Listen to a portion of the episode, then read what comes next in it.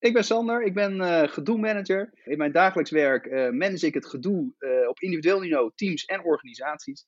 in deze HR-podcast wil ik jullie heel kort meenemen in het thuiswerkgedoe.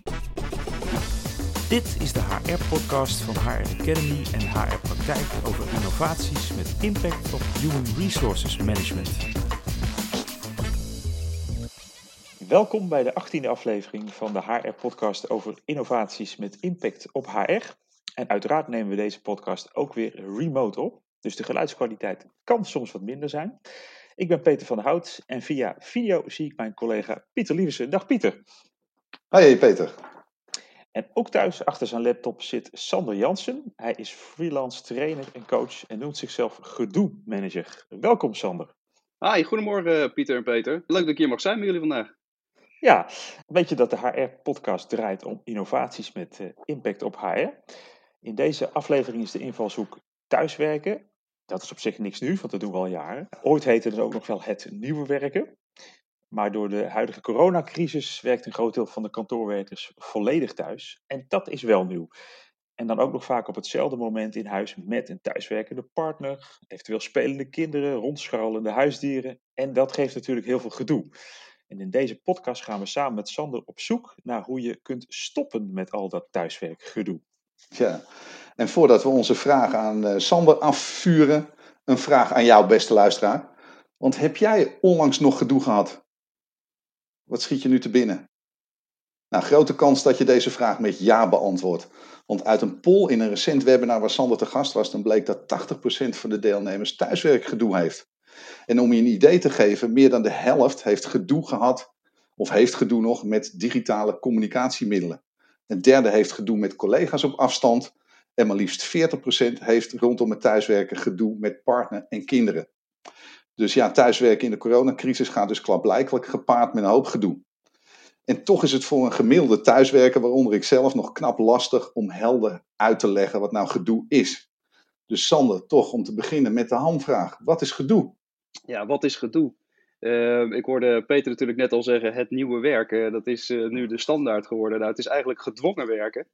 Uh, dus we zitten nu gedwongen werken we met z'n allen thuis. En dat is echt een recept voor gedoe bijna. Of een gedoe-garantie eigenlijk. Ehm, ja. Kijk, gedoe, gedoe komt in vele vormen. Dat is denk ik ook het interessante aan gedoe. We zullen altijd een vorm van gedoe hebben. Dat is nou hoe ons brein ingericht is. Ons brein kan ook niet zonder gedoe. En dan is het wel belangrijk als je het dan hebt van wat is nu gedoe? Is dat het heel belangrijk is dat je, je hebt gedoe waarvoor je kiest en je hebt gedoe waarvoor je niet kiest. Ik denk dat dat is even heel mhm. belangrijk, gewoon even aan het begin. Uh, Gedoe waarvoor je kiest heeft namelijk een hele andere werking op het brein. Hè. Er komen hele andere hormonen vrij, andere stofjes, uh, et cetera. En gedoe waarvoor je kiest kan bijvoorbeeld zijn een hobby. Uh, ik zie nu heel veel mensen een puzzel aanschaffen met onmogelijk veel stukjes en onmogelijk moeilijke afbeeldingen. Ja. Dat is natuurlijk ook gedoe. Uh, maar dat is gedoe waarvoor je kiest. En dat is gedoe waar je uiteindelijk blij van wordt en energie van krijgt en zo. Ik denk dat uh, als wij kijken naar gedoe-management, kijken we met name naar het gedoe wat natuurlijk uh, iets, iets, iets ingewikkelder is. Mm. Maar waar je eigenlijk gewoon last van hebt. Dus het gedoe wat je overvalt. En um, ja, wij hebben eigenlijk altijd de stelregel bij gedoe-management dat gedoe is iets, daar stop je heel veel tijd in. En, ehm, en tijd, heel veel bewuste tijd, maar ook onbewuste tijd. Um, en daar doe je dan vervolgens heel veel energie bij. En dat is dan heel vaak negatieve energie. En het leuke daarvan is, is dat als je daar dan heel veel tijd en energie in gestopt hebt, dan verandert er eigenlijk niks aan de omstandigheden. Mhm. Dus de situatie blijft eigenlijk zoals die was. Je hebt alleen iets meer frustratie en irritatie opgebouwd. Uh, hè, dus als je nou kijkt naar gedoe, is dat eigenlijk een soort stress, een soort emotie die je overvalt, waar je moeilijk uit uh, lijkt te komen, wat je, waar je gewoon op leeg loopt.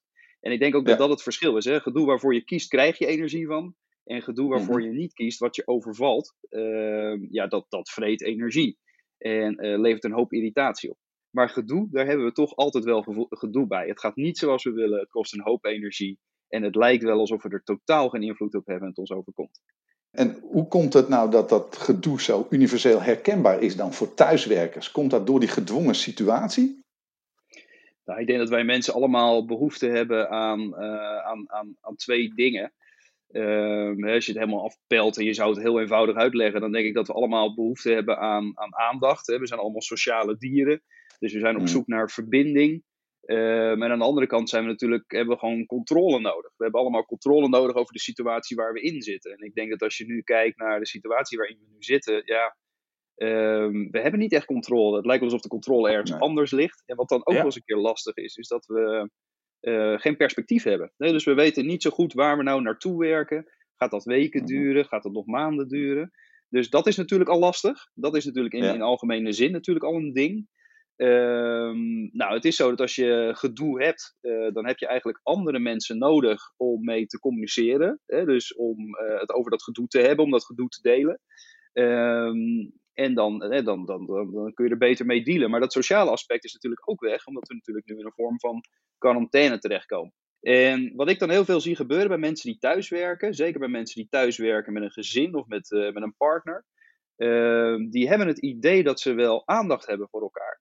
Uh, maar eigenlijk is het meer aanwezigheid. Je ziet heel erg dat op het moment dat je een beetje begint te irriteren aan je kinderen of aan je partner, hè, dus als je daar gedoe van hebt, dan sluit je jezelf eigenlijk af het lijkt wel, uh, als, uh, dat, nou, het lijkt wel, het is zo dat op het moment dat jij gedoe hebt, keer je meer in jezelf. Dan ga je minder communiceren.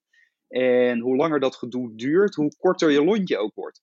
En dat is hmm. natuurlijk ook een hele interessante in de gezinsdynamiek, of in de thuisdynamiek. Maar het wordt straks natuurlijk ook een hele interessante maatschappelijk. Hè? Dus hoe lang houden we dat draagvlak nog vol voor deze maatregelen? Ja, ik denk dat dat, dat maakt het zo interessant. En je kan natuurlijk ook niet echt weg. Hè? Ik, normaal gesproken zou je natuurlijk zeggen dat ehm, als je kijkt naar gedoe of naar, nou ja, eh, naar een, coach, een simpel coachmodel, is dat je zo'n keuzekruispunt hebt, waarbij je eigenlijk kan kiezen uit, uit drie dingen. Ehm, of vier eigenlijk. Je kan de situatie proberen te veranderen. Je kan proberen de situatie te accepteren zoals die is. En je kan weggaan uit de situatie. Nou, dat mhm. is eigenlijk uh, niet, niet een heel uh, handig model op dit moment. Want uh, veranderen is heel lastig. Want ja, die kinderen zijn wel helemaal kinderen die, die gillen. Dat is wat kinderen doen. Ja. Um, ik heb een Jack Russell, die vindt het soms nodig om ineens te gaan springen of een stuk touw op mijn laptop te gooien. Dat is gewoon hinderlijk irritant. Kan ik ook moeilijk veranderen. Kan ik het accepteren? Nee, want ik vind het gewoon echt heel irritant. Maar ik kan er ook niet van weggaan. en de vierde keuze is dan klagen. Klagen kunnen we mhm. ook. Hè? Dus dan gaan we lekker veel klagen nou ja, klagen maakt natuurlijk dat je, zeker als je dat met elkaar thuis doet, dan kom je in een negatieve spiraal terecht. Ja, en dan ga je steeds meer letten op de negativiteit die je om je heen ziet. Want dat is dan ook hoe het brein ingericht is. Dus als je die irritatie al zag bij je partner, ja, dan komen er gegarandeerd nog wel een paar bij. Of diegene die je mhm. ziet, die eigenlijk ja, futiel zijn, worden ineens een immens ding. Dan maak je van een mug een olifant. Ik, ik vraag me dan ook af, hebben wij nu als thuiswerkers dan nu meer gedoe dan dat we eigenlijk als niet-thuiswerkers hebben, gewoon op het werk? Ja, er is vanochtend ook een heel interessant onderzoek omhoog gekomen. Dat, uh, is een organisatie die doet onderzoek naar uh, stress en burn-out. En zij hebben ook daadwerkelijk vastgesteld dat er nu op dit moment 40% meer stress is. Mhm. En uh, dat, dat, dat is een immens aantal. Hè? Dus het stressniveau ligt 40% hoger dan normaal. En als je dat op lange termijn zou continueren, heeft dat ook echt daadwerkelijk fysiek impact op hoe je, op hoe je brein functioneert. Hè? Dus je zou uiteindelijk zeggen dat als dit nog weken zo volhoudt, of mhm. het stresslevel hou je nog weken zo vol, want dat zou zomaar kunnen natuurlijk. Ja, dan, dan is er zo'n grote kans op het feit dat mensen gaan uitvallen vanwege burn-out. Um, ja, dat is heel aannemelijk geworden. Dus hè, je ziet dat met name daar um, is, eh, is het managen van gedoe ja, bijna een soort essential uh, geworden, eerder dan dat het een soort, uh, soort, soort leuk, product, uh, leuk product is. Hè? Dus het wordt steeds belangrijker om, ja, om met die stress, met dat gedoe te dealen. Nu, nu was het ook in de poll die we hielden in het webinar met jou, was er toch ook een percentage van 20% die zei van, ik heb geen gedoe. hoe kan dat dan? Ja, ehm, dat vind ik altijd wel interessant. Ehm, dat, dat heb ik ook tijdens het webinar gezegd. Ik denk dat het, brein, het brein heeft gedoe nodig dus er, als, als het brein ook een tijdje geen gedoe heeft, dan gaat het eigenlijk zelf zoeken naar gedoe. Ik geef wel eens het voorbeeld voor mensen die dan zo'n periode lekker relaxed zijn. Er is niet zoveel aan de hand. En uh, man, man, man, het leven is mooi. Uh, en op een gegeven moment na een week krijgen ze toch zo'n stemmetje ergens in hun hoofd die zegt: Ah, dit kan niet lang goed gaan. En, okay. dus die gaat dan eigenlijk automatisch al zoeken naar wat is het gedoe wat ergens in de struiken op de loer ligt. En uh, dat, dat is denk ik ook wel. Hè, dus je kan nu op dit moment geen gedoe ervaren. Nou ja, dat, dat, dat hou je een tijdje vol en dat komt dan vanzelf alweer een keer aanwaaien. Um, en een ander ding is, is dat heel veel gedoe uh, is onbewust.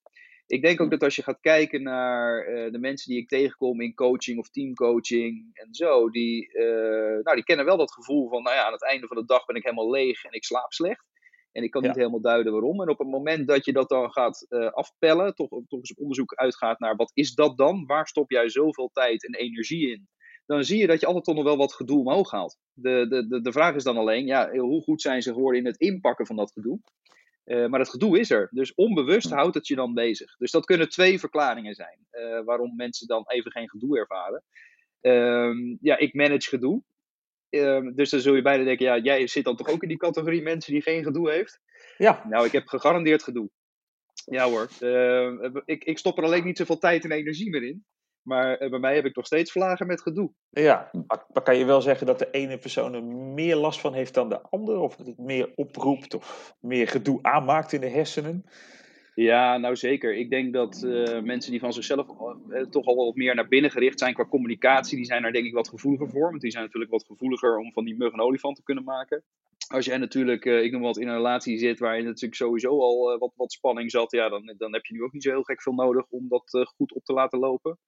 Um, maar goed, als je goed kan relativeren, dan, ja, dan wordt het natuurlijk een stuk makkelijker. Hè? Als jij uh, ja, of, of nog genoeg dingen hebt om je focus te verplaatsen. Want soms is de simpelste manier van je gedoe managen ook gewoon wat anders gaan doen.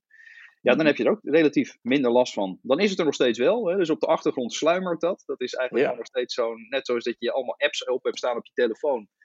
Uh, die moet je af en toe ook even afsluiten. Is dat in je brein ook? Je kan allemaal gedoe hebben op de achtergrond, wat je dan even niet ziet, maar het haalt wel je batterij leeg. Dus ja, als jij genoeg alternatief hebt, je kan genoeg je focus verplaatsen, dan heb je er ook relatief minder last van. Ja.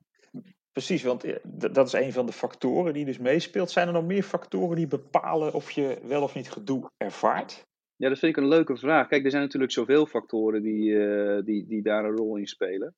Um, kijk, wat ik gewoon belangrijk vind, dat je, je zegt ook van ja, hoe, uh, hoe je dat gedoe ervaart, of, of dat je dat gedoe ervaart. Je moet gewoon heel erg kijken naar je energielevel. Kijk, als jij uh, bijvoorbeeld dingen moet gaan doen waarbij je er nu al tegen kijkt. Hè, ik noem wat, je hebt die meeting of je hebt een uh, sessie te doen straks. En uh, je, daar ga je echt met lood in je schoenen naartoe. Dan, dan zit daar gedoe. Hè, en, en de grap is dat heel veel mensen ervaren dat nog niet als gedoe. Maar het is wel gedoe. De vraag is dan van uh, in hoeverre manage je dat of in hoeverre laat je dat gebeuren? Ja, ik raad altijd aan om, daar, om dat wel te managen, hè, om dat, dat, dat soort signalen serieus te nemen. Want dan kan het gedoe worden waarvoor je kiest. En op het moment dat het gedoe is waarvoor je bewust kiest, dan uh, heeft het weer een heel andere impact. Wat ik heel vaak zie is dat het mensen overkomt. Hè? Dus die, uh, die, die, die voelen die stress al opkomen van die meeting, die gaan in die meeting, lopen helemaal leeg in die meeting. Um, en vervolgens uh, klikken ze de meeting weg. Nou, dan werken ze allemaal fijn thuis en is hun partner daarna. Dus ja, gaan ze daar nog even op afreageren. Ja. Um, ja, ja. Dan vragen ze mensen, heb je gedoe? Nee hoor, ik heb geen gedoe. Nou, dan is dat gedoe er echt wel. Mm uh, je hebt het alleen nog niet kunnen definiëren. Ik denk ook dat dat een van de leukste dingen is in de sessies die we doen. Is dat uh, we laten mensen op zoek gaan naar hun gedoe. En dan komen ze eigenlijk in zo'n sessie tot de conclusie dat ze veel meer gedoe hadden dan dat ze dachten.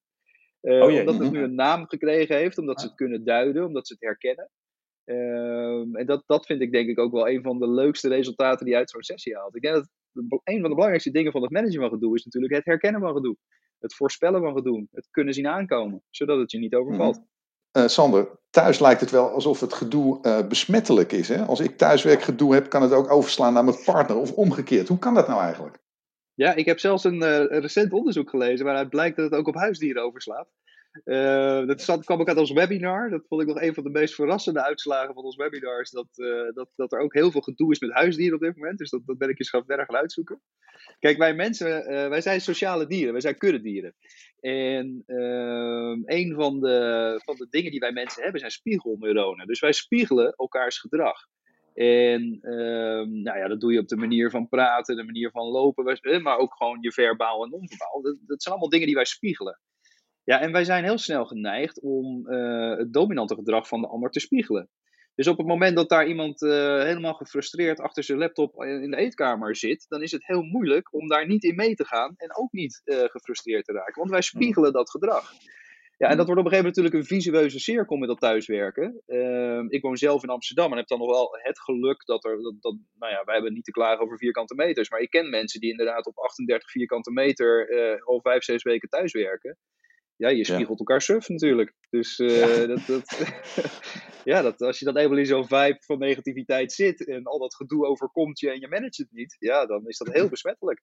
En normaal gesproken is gedoe ook al besmettelijk. Alleen dan zit je in een kantooromgeving, dan loop je de vergaderruimte uit en dan kom je in een nieuwe omgeving waar je weer ander gedrag aan het spiegelen bent. Dus ja, en nu zit je natuurlijk zo op elkaars lip dat je met elkaar alleen maar aan het spiegelen. Nou, en uh, dan is gedoe leuk hoor, want dan weet je al dat je partner weer uh, zo achter de eetkamertafel zit. Nou, dan uh, ga je er alvast ook lekker op voorbereiden en zie je wel, daar gebeurt het weer.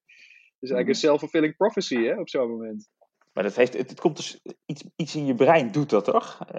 dat je op die manier reageert. Of kan, kan je daar zeg maar je tegen wapenen? Dat je het de andere kant op buigt? Nou, het is heel primair. Hè? Uh, ik denk dat uh, ons brein is natuurlijk uh, flink ontwikkeld uh, de afgelopen honderd jaar, maar aan de andere kant ook weer totaal niet.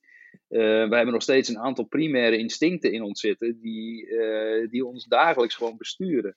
En ehm, ik denk dat, dat een van de meest interessante dingen die ik daar vind, ik geef, ik geef wel eens het voorbeeld in de training. Als je nou echt een stukje primair instinct omhoog wil uh, zien komen, dan, dan, dan, dan kun je dat heel goed zien als je in de auto zit. Weet je wel, als je in de auto zit van, van A naar B, een stuk wat je vaak rijdt, dan heb je dat eigenlijk al niet eens meer door dat je dat aan het doen bent. Um, en dan word je ineens afgesneden. Nou, wat er dan ja. gebeurt is, dan zie je mensen van heel aardig veranderen in een soort, in een soort beest eigenlijk. Je ziet ze gewoon letterlijk ineens gaan toeteren, middelvingers, bumper kleven.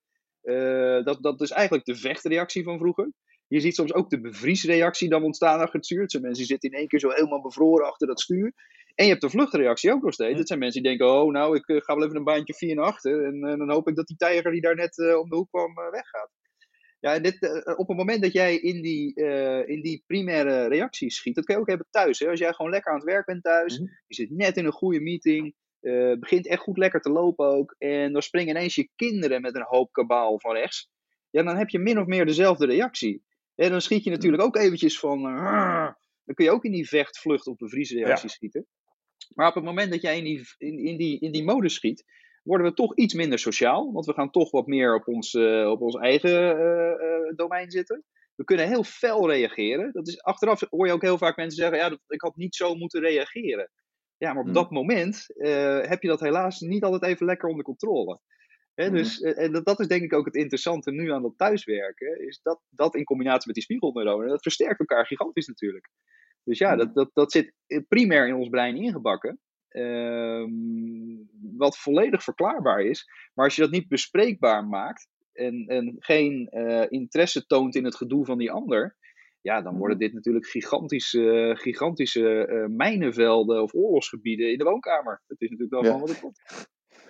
Jij, jij noemt natuurlijk een aantal heel herkenbare uh, situaties, maar hoe kan je nou herkennen dat dat dan eigenlijk tot gedoe leidt, of misschien al gedoe is? Hè? Wat is dan eigenlijk het verschil tussen een situatie die irritatie oproept, of eigenlijk een situatie die echt kan uitmonden in gedoe? Nou ja, ik denk dat iedere irritatie kan uitmonden in gedoe. Uh, en heel vaak is gedoe een irritatie. Ik denk dat uh, dat, dat wel een beetje op elkaar, op elkaar zit. Ik denk dat wat ik heel belangrijk vind, en ik zei dat net al, het lijkt iets futiels, maar op het moment dat je geen interesse meer hebt in het gedoe van een ander, dan kun je er vrijwel van uitgaan dat je zelf vrij veel gedoe hebt en dat die ander daar gegarandeerd ook last van heeft. Uh, dus zodra je oprechte interesse voor die ander verdwijnt, dus voor het gedoe van de ander verdwijnt, ja, dan heb je zelf eigenlijk ook gedoe.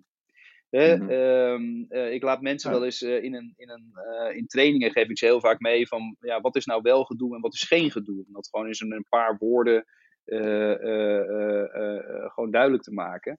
Dan heb je eigenlijk, hè, als je bijvoorbeeld kijkt naar, je kan bijvoorbeeld heel cynisch worden. Nou, cynisme en sarcasme is eigenlijk een van de, van de, de items waarin je eigenlijk uh, nou, min of meer al aantoont dat je dus gedoe hebt. Want je zegt eigenlijk, nee, mijn waarheid is de waarheid. En in jouw waarheid ben ik niet geïnteresseerd. Hè? Ja. En uh, daarin zie je ook dat, dat bijvoorbeeld uh, reactief gedrag in plaats van creatief proactief gedrag. Reactief gedrag is ook heel uh, daar zit je eigenlijk ook in het gedoe. En uh, of heel erg in die slachtofferrol zitten of op zoek zijn naar controle. Ja, dat zijn allemaal wel uh, uh, tekenen van gedrag. Ja, dat is eigenlijk allemaal gewoon je, je primair brein. Kijk, als je het aan het brein overlaat, dan schiet hij heel graag in dat primair brein. Ja, want dat is veiligheid, het is voorspelbaar, hij weet waar hij aan toe is en zo. En het vergt nogal wat om dan in je groene brein te blijven, zoals wij dat bij gedoe management zeggen. Dat gaat niet vanzelf. Daar zul je jezelf toe uit moeten dagen. Het Mhm. leuke wel is dat op het moment dat jij gedoe hebt en je toont dan interesse in het gedoe van jouw partner, dus je kan Mhm. het opbrengen om oprechte interesse in het gedoe van die partner eh, te tonen, dan zie je eigenlijk dat we daar gaan werken met het emotioneel wisselgeld. Dus dan begint die partner ook ineens weer interesse te krijgen in jouw gedoe. Maar het lastige wel is, is dat één van die twee zal dat spel wel moeten beginnen. En wat je heel vaak Mhm. ziet bij gedoe is dat beide zakken weg in hun eigen gedoe. En denken van nou, wat jij doet moet jij lekker zelf weten. Ik doe gewoon wat, eh, wat voor mij belangrijk is. En blijf vooral uit mijn buurt. Ja, die cirkel moet je dus proberen te doorbreken. Mhm. Echt een padstelling waar je dan beide in zit. En dat gaat vaak onbewust, hè? Dat, dat is het leuke. Dat bedoel ik, inderdaad- ja, ja, ja. En eh, ja, daarvoor geldt, ja, als het je nu heel veel tijd en energie kost, dan, eh, ja, dan is het de moeite waard om dat gedoe eens te managen. Je zou eigenlijk gewoon een soort dagstart moeten doen, hè? zoals je dat ook eh, doet in, eh, in, in, in de echte kantooromgeving. Is dat je heel even een dagstart doet met welk gedoe hadden we nou van elkaar gisteren? Eh, gaat dat gedoe vandaag ook weer ontstaan? En wat doen we als we in dat gedoe schieten? Hè, want Mm. eh, eh, wat doen we dan? Benoemen we het gewoon? Of kunnen we ook daadwerkelijk nog iets veranderen aan ons gedrag? Of moeten we het gewoon accepteren? Soms betekent ook dat je inderdaad de keuze weggaan moet, moet, moet pakken. Ik zie eh, mensen al webinars geven vanuit toiletruimtes. Ik heb zelfs al iemand gezien vanuit een eh, kledingkast. Nou ja, ik denk dat dat de keuze weggaan is. Hè? Die is gewoon verdwenen in Ja. de kast. En dan heb je ook geen last van. Ehm, ja, en soms is het ook dat je, wij, wij vinden, en dat vind ik altijd interessant, gedoe is pas gedoe als jij er gedoe van maakt. Dus wij Mhm. vinden het een enorm gedoe dat als wij in een meeting zitten, dat er kinderen voorbij rennen. Maar de grap is, dat heeft iedereen. Iedereen kan zich daar wel wat bij voorstellen. Op het moment Ja. dat je dat gewoon benoemt, dus je benoemt gewoon, nou ja, ik geef vandaag, een, eh, vandaag in deze meeting kan het zomaar gebeuren dat er drie kinderen van links en een, een boze vrouw van rechts komt. Ehm, dan, ja, dan overvalt het je niet meer. Dan overvalt het de kijker ook niet. Dan kun je er eigenlijk om lachen. Dus Mhm. soms is het ook dat je gewoon het gedoe moet voorspellen. Hè, dat je eigenlijk de verwachtingen managt. Dan heb je er Mhm. en zelf minder last van. En die andere kant herkent dit wel. Want gedoe schept verbinding. Juist dat gedoe schept verbinding. En, Mhm. ehm, en, en dat is dat sociale component dat wij mensen ook weer nodig hebben. Dat deden we vroeger bij het koffiezetapparaat eh, op kantoor. En dan konden we tenminste nog eens wat gedoe met elkaar bespreken in de vorm van roddelen, klagen. Ehm, en nu in al die meetings die wij met elkaar organiseren, is dat hele sociale component weg. Dus ik raad Mhm. ook echt aan om, eh, als je heel veel meetings organiseert met je team, doe ook gewoon echt een kwartier koffie eh, momentje met elkaar, waarin je geen agenda hebt, maar dat je gewoon lekker met elkaar het gedoe gaat bespreken. Ehm, Ik zie eh, veel bedrijven om mij heen, eh, ik heb hier om me heen wat, wat start-up bedrijven zitten, die doen bijvoorbeeld echt de vrijdagmiddagborrel. En dat schept een enorm, eh, dat schept een enorme verbinding. Want die verbinding raak je kwijt als je elkaar niet ziet. Ja. Het kan heel Ja. lekker zijn als je even kan klagen over je partner bij je collega. Even, die hebben het gedoe ook. En ehm, nou ja, dat gedoe schept juist die verbinding die je ook wel weer zoekt met de verbinding naar kantoor straks. Dus doe dat Mhm. vooral. Ja. Want volgens mij heb je nu al drie hele concrete eh, recepten genoemd om te stoppen met thuiswerkgedoe. Dat is eigenlijk eh, de dagstart. Van hè, wat Ja. was er nou gisteren? wat, eh, Ja, wat kunnen we. En, en het voorspellen van gedoe. Ja. Teammeetings houden om gewoon ook sociaal bij de koffie even het, het gedoe te bespreken. Zijn er nog andere dingen die jij kan benoemen om echt te kunnen stoppen met het thuiswerkgedoe? Nou, wat ik, wat ik wel belangrijk vind is, eh, als ik luister naar de mensen die nu echt heel veel gedoe hebben, dan lijkt dat gedoe heel groot. Ik denk ook dat eh, op het moment dat je gedoe hebt, dan, eh, dan schiet je eigenlijk naar binnen. En dan sta je niet meer open voor nieuwe oplossingen of nieuwe inzichten en zo. En wat ik daar heel interessant aan vind, is dat mensen denken dat ze dan op dat moment aan het denken zijn, maar ze hebben gedachtes. Ik denk dat voor de mensen die eh, heel vaak s'nachts wakker liggen, die zullen dit ook heel erg herkennen. Dus je ligt Mhm. s'nachts, eh heb je een probleem. Dat is heel vaak het onbewuste gedoe overigens.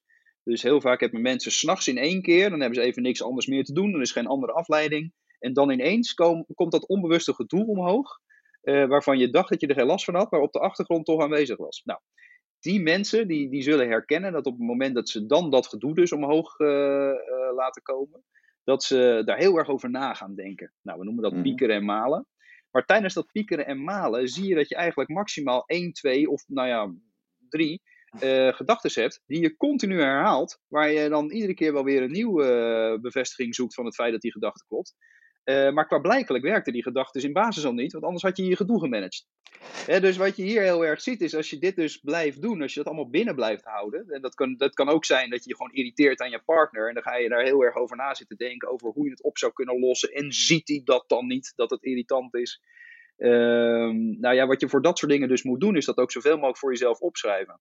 Dat, dat, dat klinkt gek, maar gewoon even simpelweg een klaplokje naast je neerleggen. En iedere keer als je je aan zoiets irriteert, of je merkt dat je er weer over aan het piekeren en malen bent, met andere woorden, je stopt er weer veel tijd en veel energie in, maar er verandert niks. Ehm, dat je op zo'n moment toch even gewoon het opschrijft. Het letterlijk even van je afschrijft. Mhm, mhm. En ehm, dat geeft rust aan je brein. En het grappige is ook, je gaat er op een gegeven moment door relativeren. En als die gedachte dan weer terugkomt, dan zeg je eigenlijk tegen jezelf van nee, dat heb ik net al opgeschreven. Ehm, maar de grap is wel dat als je dat iedere keer doet, dat je niet hebt dat je ook dingen vergeet. En wat ik daarmee bedoel te zeggen is, ehm, ik zie heel vaak dat mensen zich onbewust iedere dag weer irriteren aan die ene kleine eigenschap van die partner. Maar aan het einde van de dag alweer vier andere dingen hadden die gedoe waren en het compleet vergeten. Maar de volgende dag gewoon weer vrolijk terugschieten in dat gedoe van gisteren. Mm, dus als je het dan, dat gedoe wil bespreken met elkaar, kan het ook heel fijn zijn dat je juist die kleine dingen, Ehm, dat je die, juist die kleine dingen bespreekt daarna ook met elkaar. Dus schrijf heel veel op. En met name voor de mensen die nu s'nachts wakker liggen, doe dat vooral. Ja, precies. Want is er ook echt een aan- en uitknop voor gedoe? Ja, die is er zeker. Ehm, nou ja, die, ja, die is er zeker. Uh, kijk, gedoe staat standaard aan. Hè? Laten we daarmee beginnen. Ik als jij ja. ochtends, uh, uit je bed stapt, dan, uh, dan staat het gedoe al aan. De vraag is even, hoe lang blijf jij dan in dat gedoe zitten? Eh, nou ja, sommige mensen kunnen daar nog vrij lang over doen. Eh, sommige mensen zijn er ook zo weer uit. Die kunnen dan zo switchen naar, eh, naar geen gedoe. Binnen gedoe-management maken we daar gebruik van het rode en het groene brein, waarbij het rode brein is dan het overleefmechanisme en het, het, het, het, groene brein is de prefrontale cortex. Dat is, dat is het deel van je brein waar je kan denken over jouw denken dat, dat maakt ons mensen uniek. Mhm. Ehm, als ik kijk naar mijn Jack Russell, die heeft dat groene brein niet of minder. Hè. Dat is, die, die, kan niet, die kan niet nadenken over wat hij net deed. Uh, maar wij mensen kunnen dat wel. Nou, op het moment dat jij nadenkt over jouw gedoe, dan zit je eigenlijk al in dat groene brein. Ehm, dat lijkt iets heel simpels, maar je ziet vaak dat als je gedoe hebt, blijf je heel erg in het overleefbrein zitten. En daar moet je uit. Nou, in onze, in onze trainingen, daar, uh, daar, daar, daar creëren we eigenlijk die aan- en uitknop. En het grappige is, het is niet heel ingewikkeld. Het wordt niet heel veel ingewikkelder dan uh, dat we dat natuurlijk net schetsen. Alleen het is ongelooflijk lastig om dat in je systeem in te bouwen. Um, want ja, de, de, de automatische reactie op gedoe, ja, die heb je al zolang je leeft. Dus het is heel lastig om die om te bouwen. Maar juist uh, door hem niet om te bouwen, maar door er dingen aan toe te voegen. Dus uh, wat doe je nou als je in gedoe schiet? Hè, uh, heel veel mensen hebben een signaaltje, die gaan ineens aan hun neus zitten of die krijgen rode vlekken mm -hmm. in de nek. Hè, als je, hoe eerder jij gaat herkennen dat je gedoe hebt, des te sneller kun je ook een andere keuze gaan maken in het gedrag wat je daarna gaat vertonen. En in -hmm. onze trainingen gaan we eigenlijk op zoek naar dat moment dat het aanschiet. Want dat is namelijk ook het moment dat we een andere keuze kunnen gaan maken om het weer uit te zetten. Ah, en, ja, uh, en, sommige mensen denken dan van ja, maar dat is toch ideaal, want als ik het dan eenmaal uh, definitief uh, uit kan zetten, nou, dan heb ik altijd succes. Want dan kan ik namelijk alle doelen halen, want er zit nooit meer gedoe in de weg. Dan ben ik voor altijd gelukkig ehm, en dan komt het allemaal goed. Nou, het slechte nieuws van dit verhaal is, is dat het schiet ook echt gegarandeerd nog wel weer een paar keer aan, dat gedoe. Um, ik denk dat als je naar een gemiddeld mens kijkt, dan schiet het de hele dag van aan naar uit, naar aan, naar uit, naar aan, naar uit. Um, de vraag is alleen, hoe handig word jij met het uitzetten van dat gedoe? Essentie, um, de omstandigheden zijn niet, niet het gedoe. Gedoe is pas gedoe als jij er gedoe van maakt. Nou, en dat is een, een mooie afsluiter, Sander. Ontzettend bedankt voor jouw uh, praktische tips en uh, het thuiswerkgedoe te kunnen relativeren. En uh, daarmee zijn we aan het einde gekomen van weer een aflevering van de HR-podcast over innovaties met impact op HR. En natuurlijk zijn we erg benieuwd wat jij van deze podcast vindt. Dus laat je review achter, bijvoorbeeld op Apple Podcast, want dan kunnen andere vakgenoten deze HR-podcast makkelijker vinden.